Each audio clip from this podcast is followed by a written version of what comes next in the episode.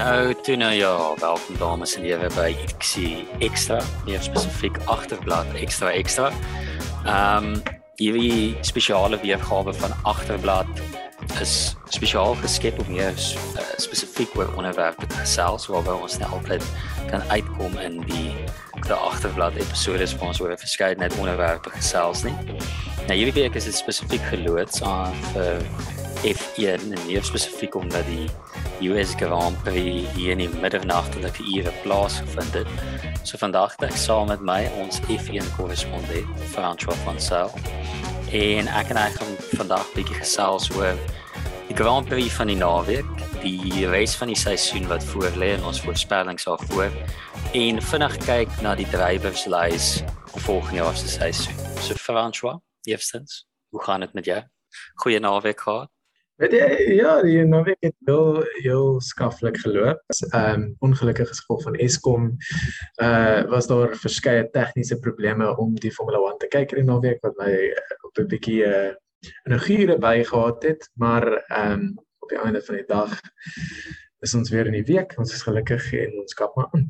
Uh die US Grand Prix in naweek voel vir my ook liewe uh, celebrity onder die son het gekuier by Circuit of the Americas. Mens kan net vermaak en behandel vir with that. Um so uh, groot resies in die konteks van die seisoen het ek gedink. Maar soos net 'n opsomming van dit gee.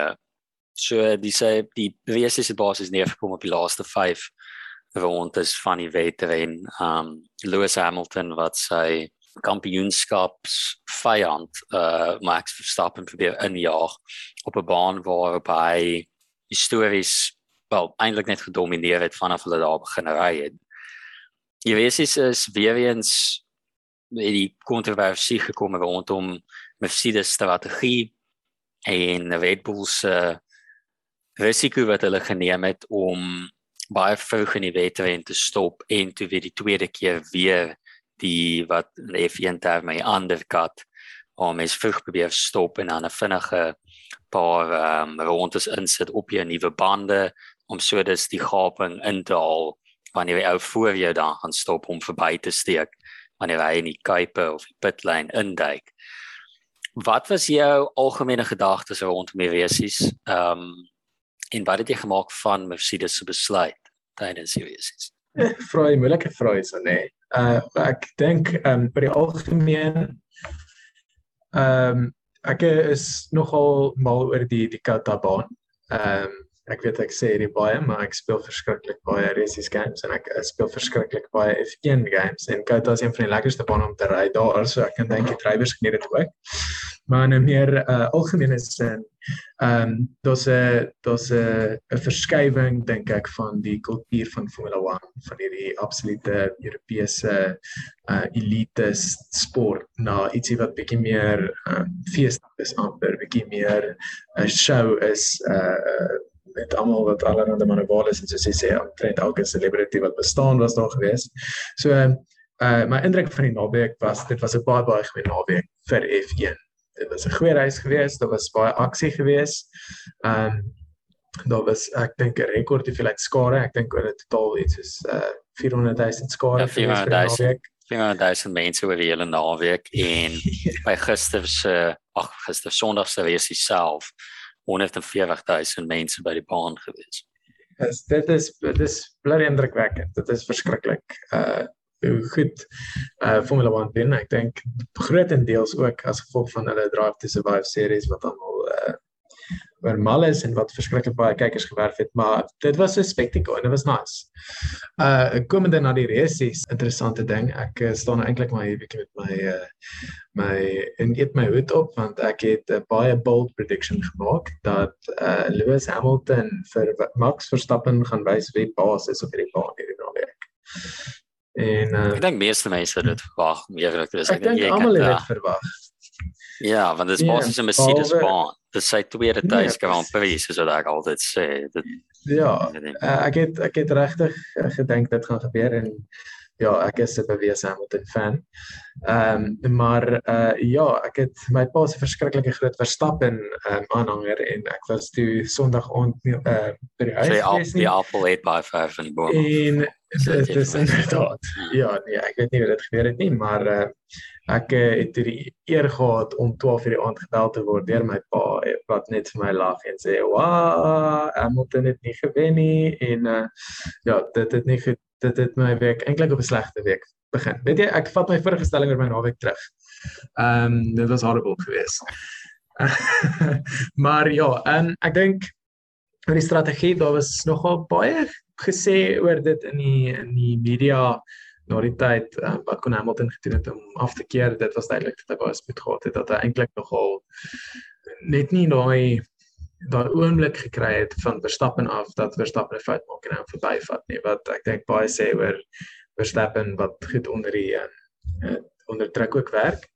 Maar uh, ek dink ja um, meeste van die Ja, meeste van die die tegniese ouens wat baie slimmer is as ons hier oor het gesê as Hamilton rondom uh, lap 8 gepit het, sou hy waarskynlik vir Verstappen verbygevat met die pace wat hulle gehad het. Ehm um, hulle het baie vinnig gesien die medium bande werk nie. Ehm um, dat hulle te warm word op die baan en ehm um, ja, ek dink eintlik Mercedes wat gewoonlik redelik ehm um, aggressief is op die manier wat hulle hulle strategie implementeer en nuwe goeders probeer. Ehm um, begin vir my ligtelik 'n paar krake wys daarin dat hulle al meer ehm uh, ek wil sê die fyn word uitgevang. Hulle word hulle ja, hulle word baie meer konservatief as gewoonlik. My probleem is ja. Nou, maar ek net in hierdie geval maar ek dink wat Nee nee, dis reg. Hier is ek dink hulle het ruimte gehad in vorige seisoene om bietjie meer alternatiewe of riskante strategieë te volg. Want dit is maklik om 'n riskante strategie te volg as jy basies net in jouself kompeteer. Ja. ja, ja, sit in jouself kompeteer. As jy basies jy kan met jy twee drywers wat jy het wat jy net meer kan eksperimenteer. Want meeste van die tyd ja. ry jy in jouself.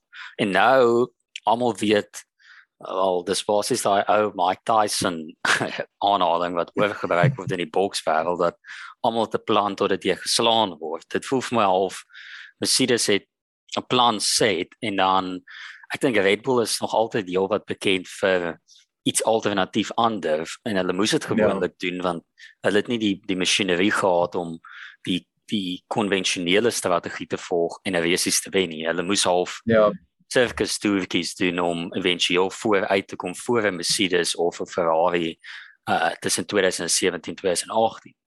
En nou wanneer hulle nog steeds met daai ek dink hulle het nog steeds mentaliteit dat hulle die die underdog is in die storie en dis al hoe hulle benader elke keer. Dit's amper soos 'n guerrilla warfare wat hulle ander teen Mercedes. Ja. En nou toon dit net beter resultate want hulle het beter masjinerie om dit meer toe te pas. Nee, dit is so. Ehm um, ja, Red Bull se strategie die afgelope tyd was ook net gewees. Hulle sit vir Mercedes ore aan. Net sê wat ons nie regtig ken van die span nie. Hulle is nog nooit dit gesien van vir amazing strategie vir niks foute maak nie. Ehm um, vir absolute perfeksie streef en dit is asof hulle fluster is deur die feit dat hulle nie ehm um, dominant is nie. Ehm um, wat tot 'n mate is dit verstaanbaar. Ehm um, ek dink nie daar was baie tye gewees tot met hierdie jaar in 'n in die tyd van die span op bestaan dat hulle nie absoluut dominant was met hulle karre en met hulle strategie en hulle mense nie. So dit is 'n uh, uncharted territory vir hulle. Maar ek dink op die einde van die dag as jy nie die beter span is nie, dan gaan jy nie die drywer kan net soveel doen as jy teen ander ouens ry wat op 'n gelyke vlak is. En ehm um, ek kom uit af vir Lewis Hamilton. Ek sit nou hier en kyk na 'n uh, ehm um, uh, grafiek wat F1 op hulle Instagram gepost het. Hy het 'n verskriklike goeie resies gehad. Ehm uh, eintlik 'n uh, ehm uh, onderwaardeerde effort ingesit. Hy was baie vinniger as Max in die laaste ehm um, omtrent 20 laps van die resies gewees. Maar as jy agter iemand vassit en hulle maak baie kar so wyd as wat hulle gaan, die enigste manier wat jy hom verby gaan vat is op 'n strategie. So ek dink hulle het die call verkeerd gekry en dit is 'n gesprek wat ons nog kan uitflash na Mercedes of Hamilton wie is nou eintlik verantwoordelik vir die feit dat ja. hy 10 punte agter Verstappen is in die championship. Ja, dit sal op na 12. Dis net om konteks te skep vir die strategie wat we gebruik het. So ehm um, dit het al gepraat daaroor na die tyd dat hulle redenasie of redenering was vir die strategie. Hulle wou hy daarop neergekom. Louis het al gesê dat ja, Red Bull was net bloot te vinnig oor die naweek geweest. Mercedes kon nie regtig iets aan doen nie. En Toto het half teen dit gegaan deur te sê nee, hy glo Mercedes was heelwat vinniger op die harde bande, soos wat jy nou uitwys. Ehm um, die die die, die lap timings aan die einde van die race sal toon.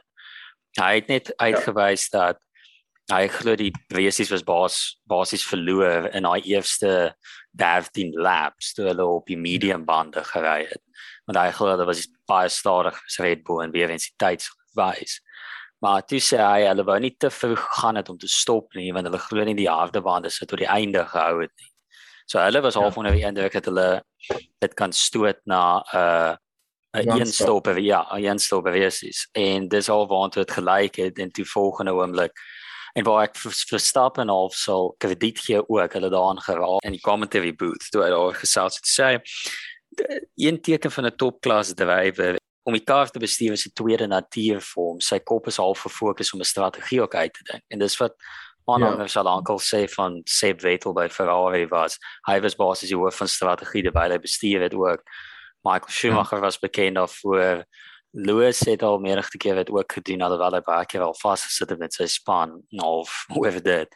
Beteken van 'n ou wat regtig groot geword het in 'n top vlak van uh topvlak drywer geword het is iemand wat sy posisie in die konteks van die resies kan verstaan terwyl hy lap na lap na lap uit en dis al wat Verstappen gedoen het deur uit te wys kom ons stop vir Perez vroeër om hulle onder druk te sit. Wat Toto gesê het nie die rede was vir die tweede stop nie. En hy was een wat ingeroep het oor die ekspedisie om pace te verloor op die harde bande.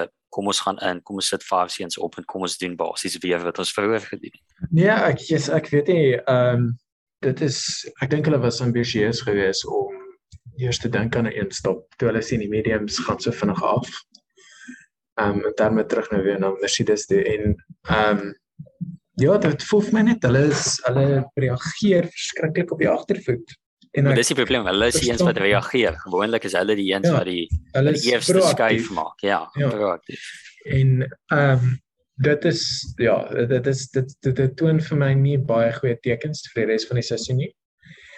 Ehm um, ek weet nie ek weet nie hoe mense dit regmaak nie. Ek ek weet dat dit duisende mense wat kyk na hierdie data, hulle het duisende programme wat hierdie data ontleed op 'n vlak wat ons nie eens aan kan dink nie. Maar op die einde van die dag voel dit daar's 'n uh, 'n mate van confidence en van net uh cool wees in sulke omstandighede wat nie nou op die oomblik by Mercedes uh getoon word nie. Dis reg? Ja, die ding is uh, die ons meeste mense wat nou al F1 vir kyk, weet dat daar's enkele bane of verwesiese waar die door die overcut eintlik gebeur. Nou, as jy kyk net na die die gaps wat hy gemaak het met die twee pitstops. So na die eerste uh duik en nou ek het eers die week ontdek dat 'n pit stop of die pit lane is die kuipe. So ek ek wil elke keer dit doen. Die kuipe en die kuipe. Fantastiese woord. en en elke fase hy lap 10 ingeduik uh verstap en om na die oude bande te gaan. En Lewis het toe eers op lap 13 ingegaan. In daai 3 na daai 3 uh laps die Lewis uitkom was daar 6 en 'n half sekonde gap. Hmm. Toe by die tweede stop wat Verstappen op lap 29 ingegaan het. Toe het uh Lewis en ek dink dis wat vir my verlore gegaan het.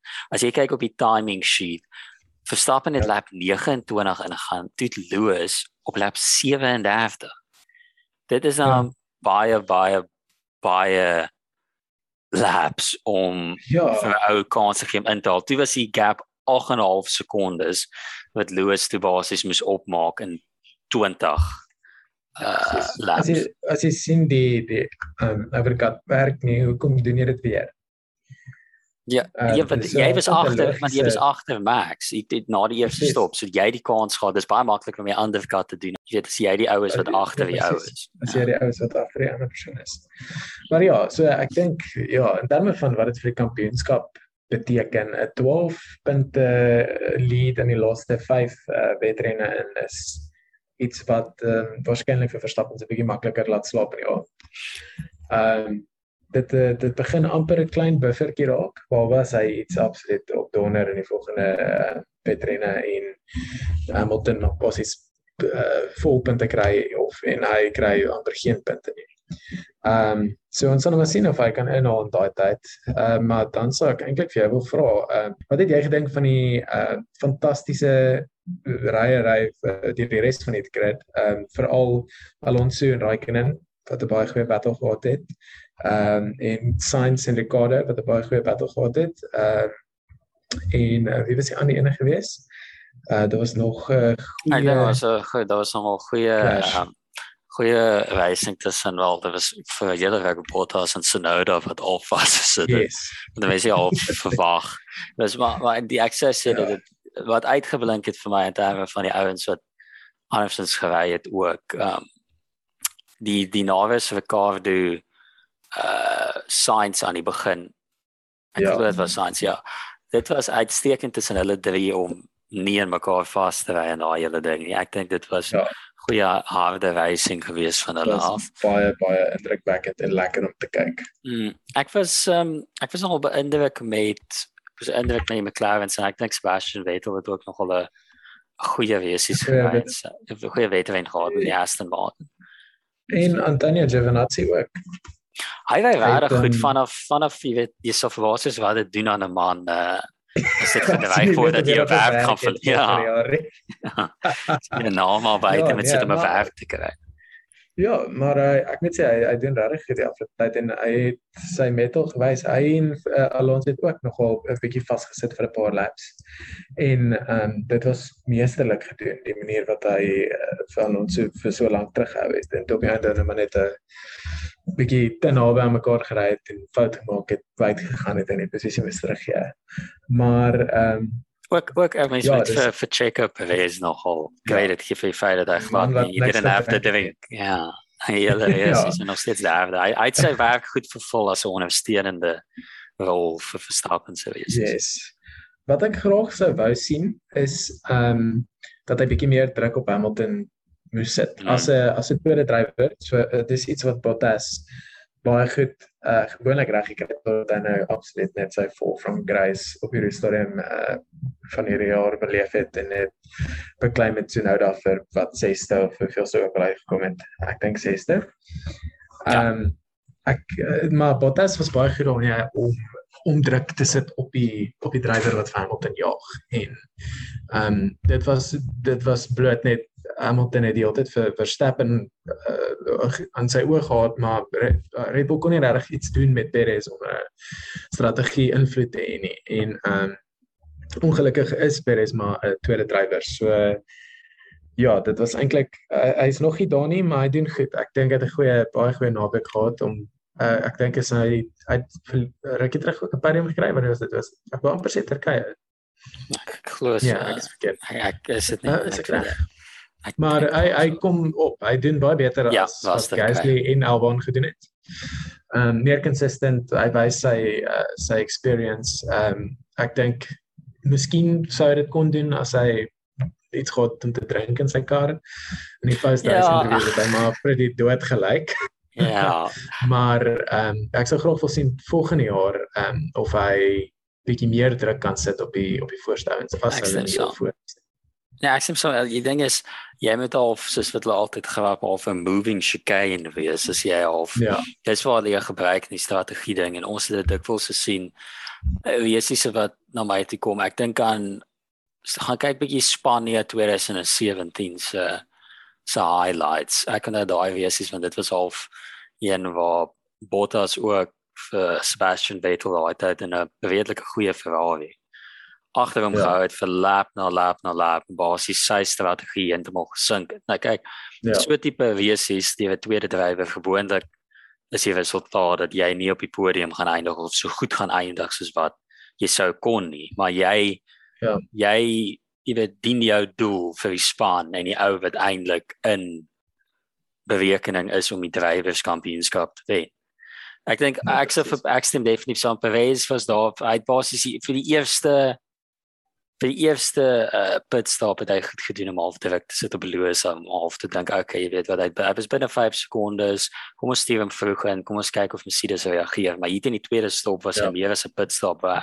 so ek dink hy kom ja. geleidelik al by jy kan sekerlik 'n argument voer is dit in die sin van jy weet is Verstappen en Hamilton net op so 'n vlak waar dit soveel beter is as hulle spanmaats of is die kar na hulle sterkpunte verander. So ek stem saam met wat jy sê. Mhm. Ek wil net een laaste ding oor die VS's en dan ek noem ek ek moet net weer eens uitwys. Ek weet ons praat dan gewoonlik net oor die top 2, maar in die konteks van as ons nou gesels oor die res van die seisoen wat voor.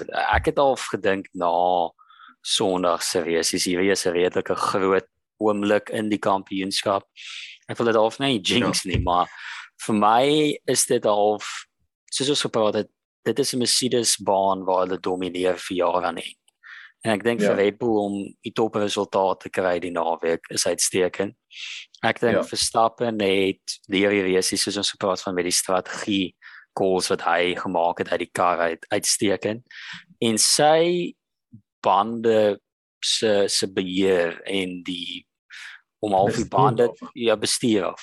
Dit op so vlakte het dat hy nog steeds Lewis agter hom kon hou vir daai laaste 5 laps. Ek dink en nie 'n fout te maak nie en die druk wat op hom is en jy weet Lewis het elke liewe tweede celebrity vriend van hom was daar om te kyk hoe hy wen. Ek dink regtig waar ek dink dit in die konteks van die seisoen dink ek gaan ons terugkyk na die resies as vir my altans was dit die resies waar ek teruggesit en gedink het jy weet wat dit was nou 'n 'n 'n veteran gery deur potensiële wêreldkampioen. Dit is ding 'n ja. ding waar jy een van die beste wel meeste mense of baie mense beskryf beste drywer ooit agter jou gehou het. Jy weet hy was op 'n storm loop op nuwe farse baan as wat jy gehad het. En jy het hom basies op 'n baan waar hy gewoonlik die wêreld se oop om het agter jou gehou.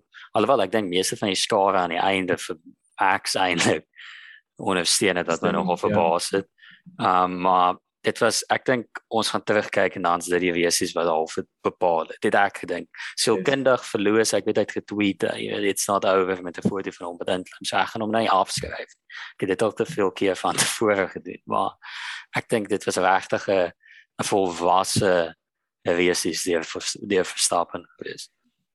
Ja, dis eintlik 'n uh, baie goeie altyd om te vat van hierdie veteran af. Ehm um, en is uh ek kan sommer die meer dan segue in die res van die seisoen en deur te sê dat hy ehm um, Verstappen het my jaar verkeerd bewys. Ehm um, ek het geweet hy's 'n goeie drywer.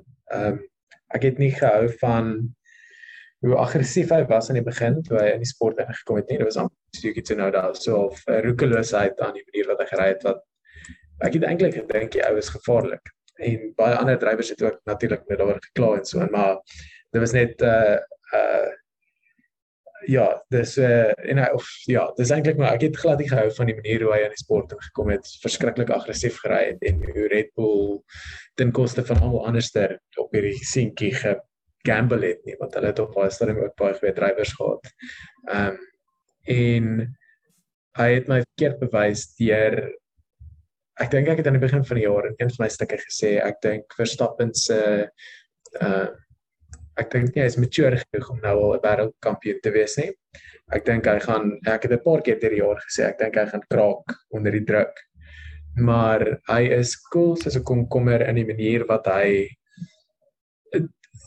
gejaag word deur Lewis. Ek kan nie eers sê dat hy vir Lewis jaag in die championship nie want hy domineer op 'n so 'n uh, confident manier hierdie seisoen dat dit 'n uh, geval is waar 'n sewe uh, sewe keer wêreldkampioen agterheen met aanjaag en jy sit hom onder verskriklike druk maar jy wat 4 25 jaar oud is is cool so kom kom er agter daai uh, agter daai visor op saam met. Ja, so, ek kan nie Hy moet soos wat jy stel. As jy eintlik gaan kyk na die statistiek van die seisoen, domineer hy die seisoen. Ek kyk ja. daai dag weer uit 9 pole positions hierdie seisoen. Hy moes al meer wees as hy gewen het. Die goed wat uh, okay, jy dink aan Baku natuurlik, daar ontplof het ja. en wel Lewis kon ook hy wees as gewen het.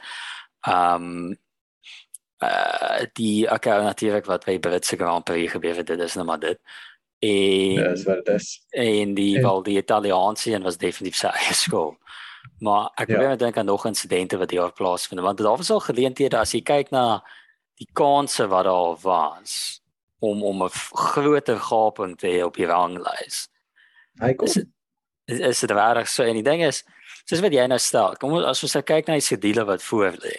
Ek sien die week het die uh, quote masjien al met Marco het gepraat na die race. Dis hy volgens hom dat Verstappen moet twee van die volgende 5 races wen en dan volgens hom dink hy is hy wêreldkampioen.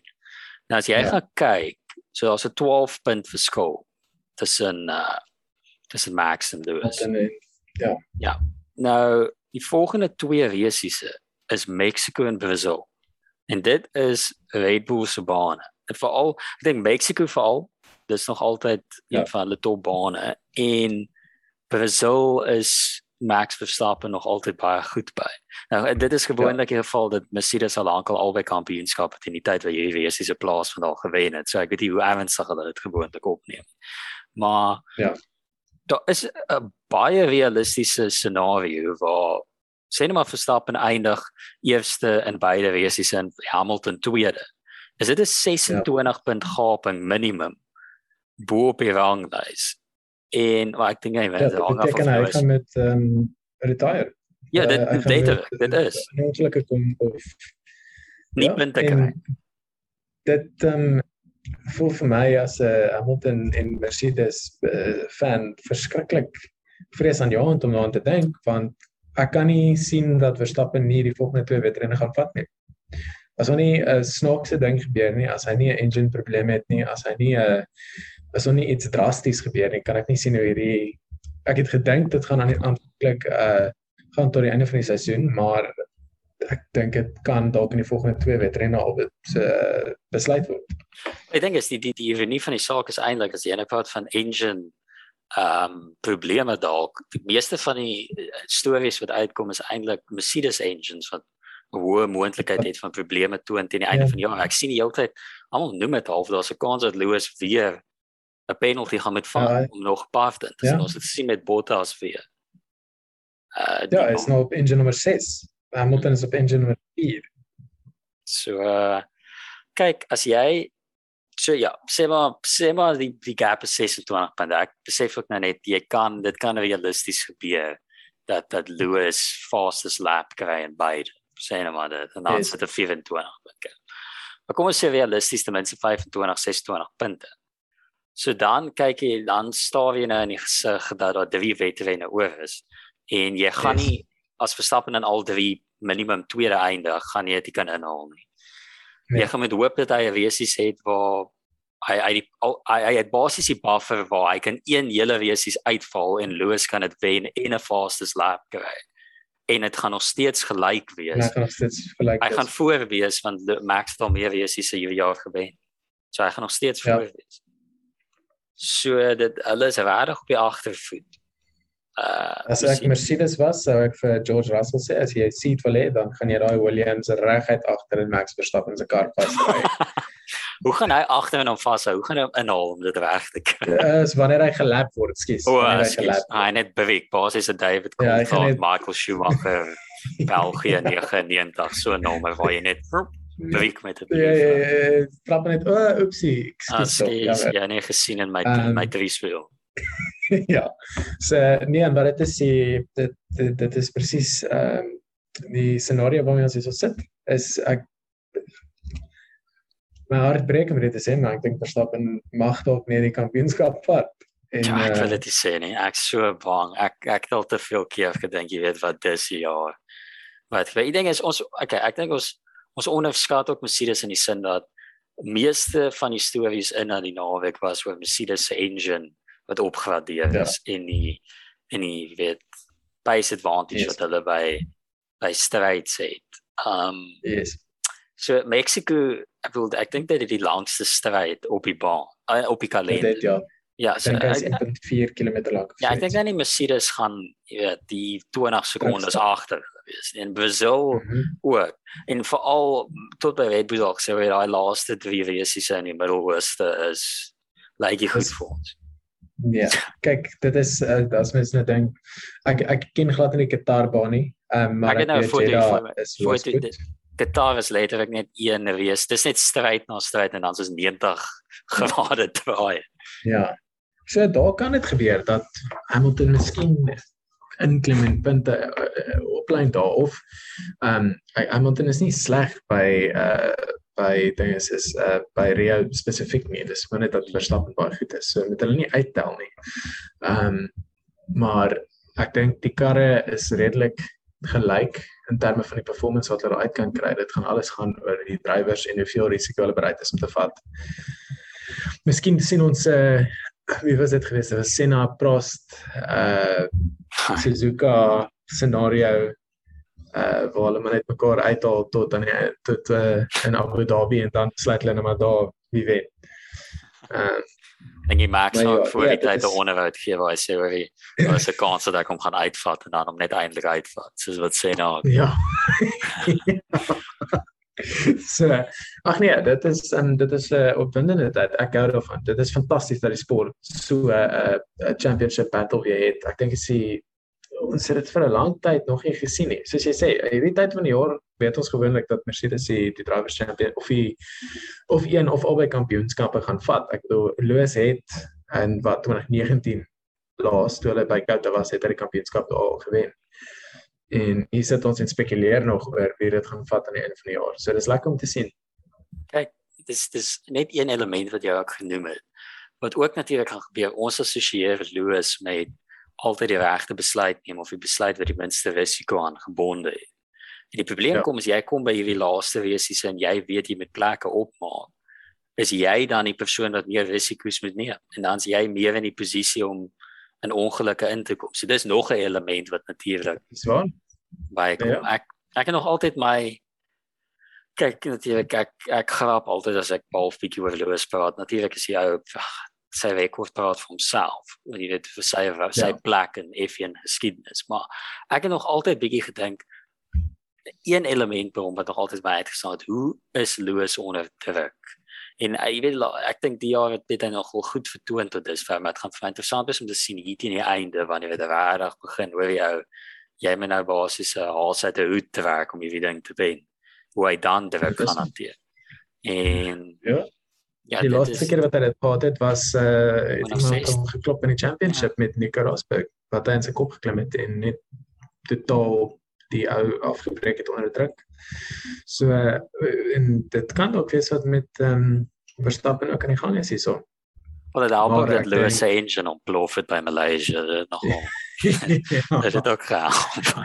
Ek het spraak nou nie daar. Maar Ja, nou. ehm nou, uh, dis soon, dis soon. nou. Maar ehm um, ja, nee, ek dink dit is dis exciting. Dink Mercedes gaan nie baie slaap vir die volgende wat sit nog 'n maand of 'n maand en 'n bietjie en 2 maande. Hulle gaan nie nog slaap vir tot in Desember nie. En ehm um, ja, Verstappen kan maar sy kop hoog hou. Hy het Fransje van Sail se official approval gekry. Jesse, Ehm ek weet nie van 'n groter eer nie. Ehm ek weet United was op tafel maar dit het hy eerder gesê hy sal uh, hy sal wag tot ek die, die shop gee op dit. ek gaan dit nog nie afskryf nie. Ek ek ek is te uh, bang om 'n call te maak. Ek sê maar 'n draad sitter want ek weet nie, ek wil dit eers sien voordat ek dit glo. Ek het reg gedog en maar ek wou sê 2017 half uh, voor dit die hele Asian Grand Prix gebeur het met Seb Vettel al daai insidente maar Ja. ek het reg gedog in 2017 en half wat deur 2018 jy weet wat ek het dieselfde gedink in 2018 toe Seb Vettel die Britse Grand Prix gewen het nog ek weet Ja. wat dis dalk ja en ja, ons almal weet wat daar gebeur het. So kom ons kyk maar So as jy nie kom maak nie dan sal ons miskien sien wat gebeur eintlik. So jy so net om by jou te hoor, so jy dink bedoel hulle is soos wat hierdie seisoen aangegaan het eindig het om trend rondom curves. So jy dink onder Max Verstappen se curves boom gaan nie die drywers Ek dink dan mag kampioenskap tog net trofee 'n van trofee onder Verstappen. As ehm um, as dinge nie by die volgende as hy uh, teen Mexico as hy nog steeds dominant is, dan kyk hy gaan die championship vat. So jy dink Lewis moet een van Brazil of Mexico vat, een van die Ek twee. dink so. ons sal sien wat gebeur. Um net op 'n uh, vinnig as ons nou vinnig kyk na volgende jaar ook. So as dit nou al vir dis sê wat ons dink teen die einde van hierdie seisoen gaan gebeur. In na volgende jaar. Nou ek en jy het dit nou al uitgestel en die hoop dat F1 spanne uiteindelik tot 'n besluit gaan kom wie vir hulle gaan ry. Nou as dit amper tot daai punt gekom, maar Alfa Romeo het besluit hulle wil nie agterblaad se analise hoor nie, so hulle weier om aan te ja. kondig yeah. wie vir hulle gaan ry.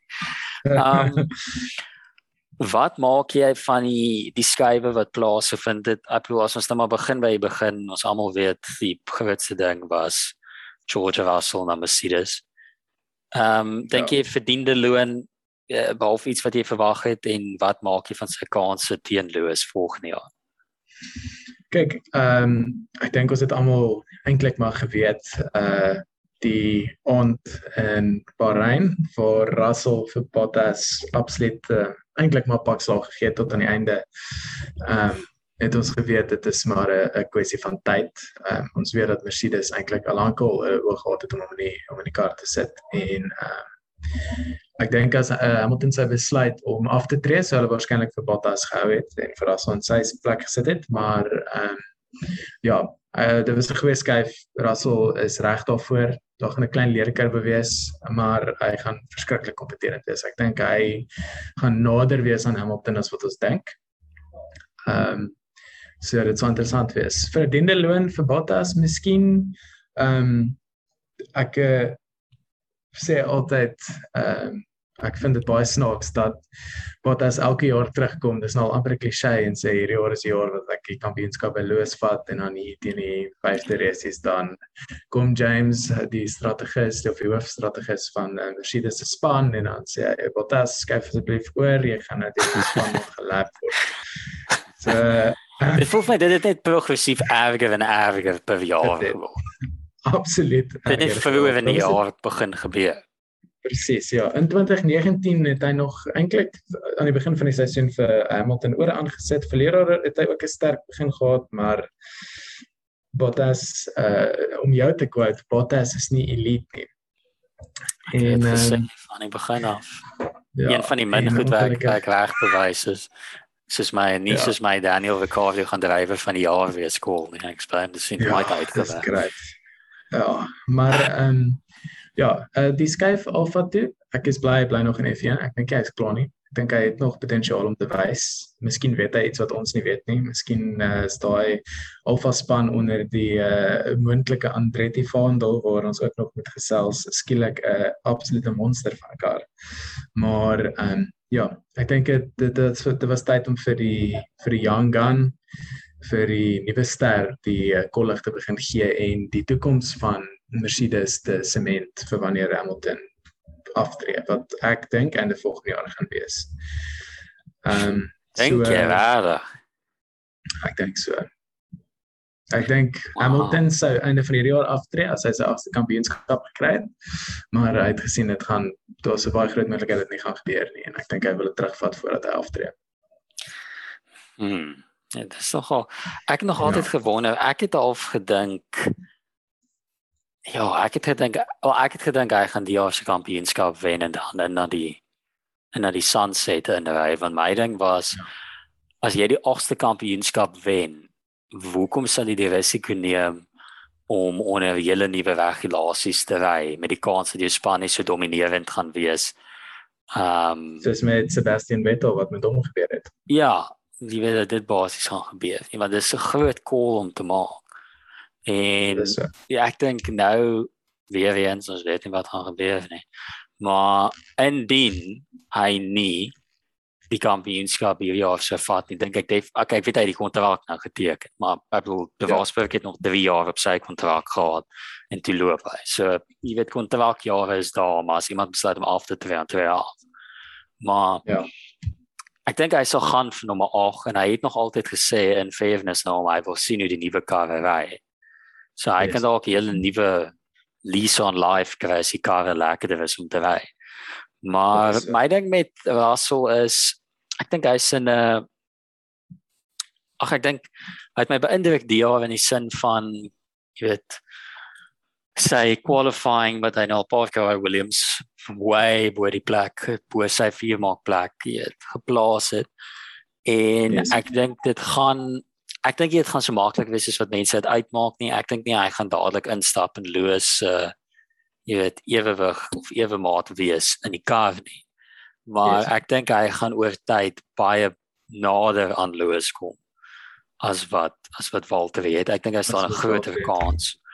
Ek dink nie hy is die beste een uit daai groep van rookie drivers nie. Ek weet hier kom hy grazie ragazzi bias maar is nog steeds van die idee dat as ons in die toekoms inkyk dink ek indien hulle 'n kar gee wat eintlik rybaar is dat Charles Leclerc Max Verstappen se grootste ja kompetisie sou wees. So ek dink Russell kan ook dan 'n mix kom en ehm um, ons sal sien hoe die jonger drywers ook inkom en hoe hulle uh, opgaan. Nou in daai groep is Alex Albon ook weer terug op die grid. Is jy bly om dit te sien? Is dit iets wat jy ook verwag het? En hoe dink jy sal hy vaar in in hy Williams? En die Williams is 'n goeie plek. Ek hulle het by eienaars, ja. by eienaars meer geld om op die kaart te spandeer. Baie geld, goeie drywer. Ehm um, ek ek het nie verwag dat Alex Albon gaan terugkom F1 toe nie en ek was baie hartseer daaroor. Uh hy was selfs as met Pierre Gasly te vroeg gedraft in 'n kar in wat op daardie stadium veral onbeheerbaar was as jy nou nie met 'n eerstap in geëindig het nie. en en ehm um, ja, dit is maar ongelukkig. Uh, het hom eintlik geshaft. Ehm um, en dis nie heeltemal hulle skuld nie, dis nie heeltemal sy skuld nie, dis maar swak omstandighede. Dis dieselfde as iemand soos Nico Hulkenberg wat uh, net nooit in 'n kompeterende kar was nie, al het hy ongelooflik baie talent gehad. Ehm um, uh dit ook goed wees om hom terug te sien en om weer te sien opkom in die ranks. Ek dink hy het iets om te bewys. Ek weet hy het baie goed in die DTM seisoen gedoen waar hy nou gery het. Ehm um, so uh, ja, ek is eintlik opgewonde daarvoor. Ehm um, hy gaan natuurlik uh, waarskynlik uh Russell se streak aanhou van sy spanmaat uitkwalifiseer. Ai ai. Kom nou. Ek is seker of daai Kanadese man weet hoe om die pedaal al die pad plat te trap nie. Ehm um, maar ons sal nou maar sien, dis okay. Maar ja, uh, en uh, om aan te sluit by wat jy gesê het oor uh, die persoon wat op die einde met Verstappen gaan kan kompeteer ek sal staan saamstem om te sê uh Leclerc is waarskynlik daarbo. Ehm um, dit voel vir my asof hy soveel ouer is as die ander, maar dit is eintlik nie die geval nie, nê. Ehm dink oor 'n Ferrari ry laat jy baie ouer lyk. Like. Ja, dit is maar as die karre so naby mekaar is soos wat F1 beoog dit moet wees dink ek 'n mens gaan sit met 'n fantastiese geveg wat nie net tussen daai twee drywers gaan wees nie. Ek dink ons kan vir Sainz ook in die mix ingooi. Ehm um, hy is besig om baie baie te verbaas. Ja. Hmm. Hy is vir 'n halfpunt agter Charles Leclerc. Nou. en uh en hy hy het hy sy spanmaat al ore aangesit. Hulle is verskriklik naby mekaar as jy kyk na die eintlike race performance en so aan. Dis maar Leclerc het so effens meer van 'n hy het seker uitblink oomblikke waar science meer consistent is. Uh, maar ek dink maar ek dink nie ons moet hom uitsny nie. Ek dink uh, om in fairness na die kleur ook. Ek dink van hy goed het ook uitgekom uit resiese waar die kleur golf. Ek dink meer 'n uh, risiko strategie gevat het waar science meer konservatief en gevat het en punte ja. so ingehaal het. Ek dink ja, byvoorbeeld aan Rusland waar Ferrari vir vir Leclerc uitgehou het en science ja. it science net podium geëindig hy wees is ja hy, ja hy het hulle hom toe opgesit op die op die op die uh, intermediate bande ja. so dit dit het ook baie punte vir my maar ek sê definitief so hy het my beïndruk hy is baie ja. nader aan die klerk as wat ek dink ek dink nog steeds nie hy is beselfde vlak as hom nie en dan is ook die mm -hmm. McLaren's natuurlik ons het Lando Norris ja. ons het Ricardo ons het nog ja, oor wat vir my uitstaan ek dink uh, hy baie gekla Mazepin ah uh, well, ja you know wat Pierre Gasly ek dink ons praat net van 'n ou wat 'n uh, ewe ewe knie van Verstappen is uh, ja. hy het my so beïndruk vanaf al vir al vertel ry ek weet hy het nog gekla hy dink hy die sitplek weer by Red Bull verdien nou ek dink hy gaan ooit yes. weer die sitplek kry nie want ek dink die Red Bull ja. gaan man genoeg wees om te sê jy weet wat ouens ons het 'n fout gemaak kom terug So ek dink hy gaan sy sukses events anders gaan vind. Maar sit hom ook in een van die top karre. Ek ek weet nie. Ek ek dink regtig hy is up there vir top top klas. Hoor my uit. As Hamilton aftree, gooi vir Gasly of vir Ocon in die Mercedes in. Uh as Ocon in die Mercedes ingegooi word wat waarskynlik wat kan gebeur al uh, sou ek dit nie voorstel nie. Ehm um, dan kan dit wees dat Gasly Franse span toe gaan, bietjie vir Alpine gaan ry. Ehm um, en waarskynlik goed kan doen want Alpine doen ook beter as wat ons verwag het en hulle na hulle restructure en so 'n uh, hele nuwe span eintlik maar is hulle besig om ook maar 'n bietjie amok te maak daar agter. Ehm um, En ons moet ook nie vergeet van die rookie driver wat ook hierdie jaar begin ry het Fernando Alonso. Ek weet net sê ek het die een van hy is ook en maar ek weet die elke keer as ek hom sien, ek weet almal mou hy se ou man. Ja, hy is nog steeds baie goed. ek weet nie. Ek dink hulle gaan hom nog een, ek dink hy gaan dit een jaar. Ek dink hy gaan kyk volgende jaar ja. lyk en as hy Alpine naby aan die boonste kant is, gaan hy sê hy ouens. Dit was nou lekker, dit was lekker. Ek ek weet jy ja. nou ou kan 'n Mercedes. Dis vir my interessant. Ek weet ek sien hom as tweede Valtteri Bottas as hy ooit daai ja. maak. En vergelyking met Russell. Ek ek is nie Dis alreeds hoe kom ek as dit. Mm, ja, ek sien so. Ek dink my ding ek sien so soos nie dat ek nie van Russell hou nie. Dis nie dit nie, maar ek sien so soos ek weet hy is 'n bewese fan favorite.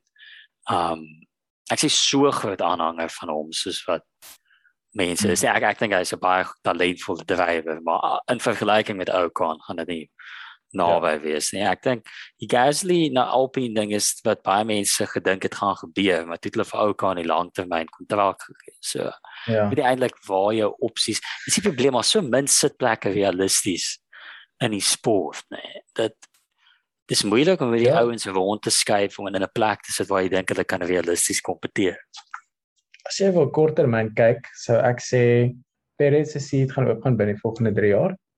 Ehm um, selfs 2 jaar. Vettel se sitplek gaan waarskynlik einde volgende jaar oopgaan. Al breek dit my hart. Ehm um, ek weet nie hoe lank ehm um, ja, ek weet nie hoe lank hy nog in die sport gaan bly nie. Stroll gaan vir ewig daar wees.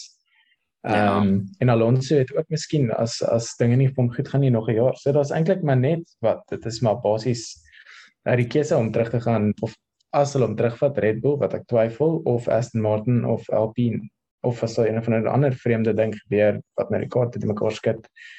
Ek sê eintlik as ek die ander spanne was al my bets volgende op hom gesit het want hy is 'n free agent. Ek dink sy tyd loop uit by Red Bull. Ehm um, hmm. maar terug na eintlik terug na volgende jaar toe om met weer se terugtrek daarna toe.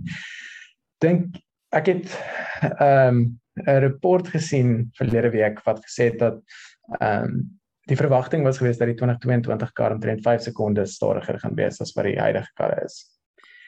En ehm um, nadat die spanne hulle data en hulle ontwerpe submit het tot die FIA, ehm um, was daar iets wat uitgekom het wat gesê het dat daai spoedverskil eintlik net af is na 0.5 sekondes toe.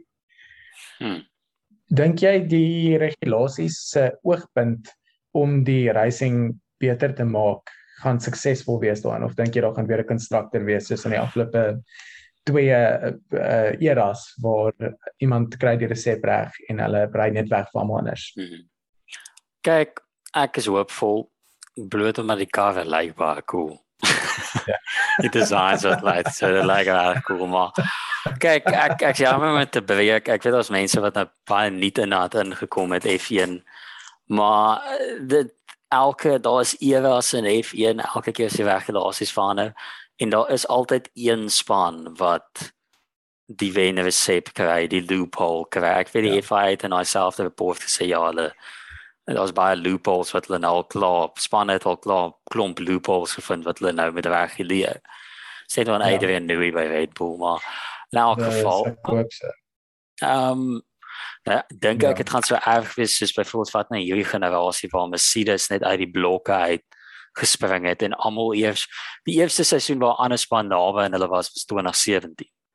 En dit ja. was hoeveel dis dit 3 4 jaar ja, 4 jaar terug. Hmm. So dit 4 jaar gevat vanaf die regulasies begin. Ek dink die beste waarvoor jy gaan mik. Ek dink ook dit gaan 'n 2009 Braun GP wees waar hulle later dit dis die ergste wat dit al was waar een span net 'n loophole gevind het en toe net weggedraf ja. het met die hele kampioenskap. Ek dink was Haas nou hulle plan reg kry. Mm, meester meester Mazepin heel voor. Meester Mazepin die goat van Formula 1. Ek dink die dit gaan wees die beste waarvoor ons kan hoop is 'n 20 ek wil sê 2012 amper soos 2012 yes. die seisoen waar hy weet sewe eerste sewe wees is sewe verskillende wenners waar daar drie ja. karre was die beste wat jy ooit gaan kry is drie spanne wat kompeteer ek weet dit was daai jaar was dit drie dit was McLaren dit was Red Bull dit was Ferrari en dan het jy dan jy paar ander karre gehad wat hier en daar as hulle nie heeltemal perform en nie kon uitstaan op spesifieke tipe bane soos 'n Lotus of 'n Mercedes daai tyd. Selfs 'n Mercedes in daai tyd ja. Yes. So ek dink ek dink dis wat gaan gebeur. Ek dink uit die blokke uit gaan een of ander span Dis interessant. Die so kan ek 'n voorspelling maak. Ja, gou. Ja, solank jy mekaar kan volg. Dis eintlik die ding. Ek dink hulle het gesê die downforce of die dirty air effect is dit met iets soos 15% gesny as jy reg agter die kar sit. Maar as jy in die ek dink dit was iets is dit, maar dit gaan op tot en met 50% op 'n sekere punt. Wow, wow, wow. Um, wat die hele punt was van wat hulle probeer doen is. So ehm um, en dan van voorspellings dink ek Mercedes en Red Bull gaan nog steeds redelik ewe knie wees in terme van hulle nuwe kar. Ehm um, bloot omdat hulle resources het. Ehm um, tot hulle beskikking om dit te kan doen en hulle het 'n baie goeie platform om vanaf te werk. Ehm um, hulle is albei gaan nou van volgende jaar af engine constructors ook wees wat ons moet onthou. Ehm um, wat vir hulle ook die vryheid gee om 'n ekstra bietjie ontwikkelingsmag te hê op hulle hulle karre bou. En ehm um, ek dink die navolgers gaan nog steeds McLaren en Ferrari wees, maar ek dink dit gaan nader wees te snaai 4. Dit kan wees dat ons sien dat hulle eintlik redelike ewe knie is aan die begin en ek dink die res gaan sukkel. Eerlikwaar. Uh, ek het so ek het hierdie klip dit maar op hierdie gaan jy goed eindig vir my nie. Maar ek het 'n regte sneaky gevoel Ferrari gaan up there wees wel. Ek het net vir een of ander rede het ek hierdie jy weet ek het 'n throwback hier na die 80s, 90s. Ek dink McLaren Ferrari wel. Volgende jaar paar mense verbaas. Ek dink ek dink Mercedes gaan ek dink sê nee Mercedes gaan 'n flippin mid-table team wees of ietsie maar ek dink hulle gaan bietjie terug sit. Ek dink Red Bull gaan aan die begin sukkel omdat hulle so baie tyd en energie na die jaar ingesit het. En hierdie sessie. Ja. Ja, en ek het ek worry bietjie oor Mercedes se struktuur want ek weet nie mooi of Toto, Lewis, al daai manne so committed na dit is nie. Ek dink dit dit dit gebeur amper nooit dat die span wat die vorige regulasies gedomeineer het die die die die eens oor ja.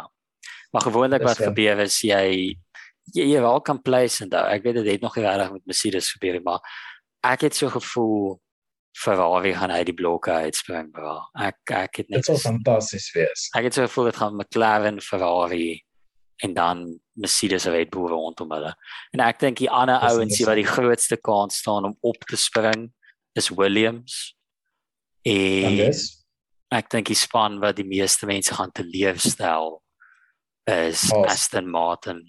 Net omdat daar is die verwagtinge by ons. Jy kan nie teleerstel as jy niks verwag nie. Ek het so ek het 'n slegte gevoel raste maat. Ek weet net nie mooi. Ek dink die verwagtinge wat op hulle geplaas word vir die naam is meer as wat hulle realiteit gaan leef. Ja. De, ja, dit is eintlik hartseer, maar ek kan sien dit gaan gebeur. Solank eh, solank die die die die groot name, die die heritage name soos McLaren en Ferrari weer bo kom, is ek eintlik gelukkig. Ons het dit vinnig aangeraak groot bespiegelinge rondom daai laaste sitplek wat oop is dat Andretti Motorsport, Marco Andretti, die Amerikaanse F1 kampioen, se IndyCar span, daai brand vir 'n uh, controlling share 80% van Alfa Romeo gaan oorkoop en vir IndyCar drywer Colton Herta gaan insit in die oorige sitplek van Giovinazzi. Yes. Wat dink jy daarvan? Wat dink jy van hulle vermoë van sukses? Dis 'n uh, konsep waar ek al gewonder het en ek kan ek kan insien dat dit sal gebeur of kan gebeur. Ek uh, dit sou interessant wees om te sien hoe 'n drywer van IndyCar afkom ehm um, Formula 1 toe. Ons weet die Formula 1 drywers het relatiewe sukses daar uh, oor kan die oor kan die dam. So ehm um, mens kan sekere aanname maak tot 'n mate dat daar relatiewe ehm um, uh kom ons sê uh soortgelyke uh, dat dat dit basies soortgelyk is in terme van hulle ry en bestuur. Ek weet hulle het ook ses cylinder engines, hulle het uh, ander downforce uh, reels en so aan, maar dit is ook maar 'n uh, hoë downforce open wheel car op 'n of ander manier. Of die drywer sukses gaan behaal, weet ek nie. Ek sê so, ek dink as Amerikaners gaan dadelik die naam agterkom en dan weet die motorsport is baie bekend in die IndyCar circles in terme van die IndyCar drivers is hy oor almal oor gepraat was Pato Award. Ek dink dit dink McLaren sal dalk hou en kry omdat hulle ook 'n IndyCar span het. Ja. Um en al hulle road cars meer vir bemark in Amerika. En Pato ja. Award ook 'n Amerikaner um het tweede geëindig in die IndyCar Championship hierdie seisoen en hy het op paar keer gesê hy wil graag in F1 F1 'n go gee. Dit sou interessant wees, maar miskien is dit hoekom Alpha buiten om die uh die agterblad podcast te tuister. Ehm um, is die rede hoekom hulle dalk nie die ander drywer al ehm um, aangewys het nie omdat hulle beplan om daai groot skuif aan te kondig. Ek kan nie aan 'n ander rede dink nie. Ek dink ek dink dit gaan gebeur. Ek dink die ouens wat daar profiteer is redelik in high circles en ek het so gevoel yes. dit is waar ons op pad is. So Ek weet dis ek sê ek dink Stefano Domenicali sal definitief dit verkies. Hulle ek dink hulle soek 'n Amerikaanse drywer. Hoopelik in hulle expansion na 700 of the races per seisoen. Is daar 'n sitplek vir Suid-Afrika by tafel? Ek weet ons boy Louis probeer 'n race down in Afrika #blaze. En ek weet dat Toto sal ook dit sal ook Afrika verkies. Uh, maar in elk geval. Ja. Ehm um, en ja, ek sien uit vir die volgende episodes van uh agterblad ekstra ekstra waar ons bietjie dieper in na spesifieke sporte en besprekingspunte induik. En ja, vir die wat dit tot die einde gemaak het, baie dankie. Uh laat weet vir ons op ons sosiale media blaaie wat julle maak van die res van die seisoen, hoe julle dink die volgende 5 resies gaan verloop. En tot volgende keer. Totsiens.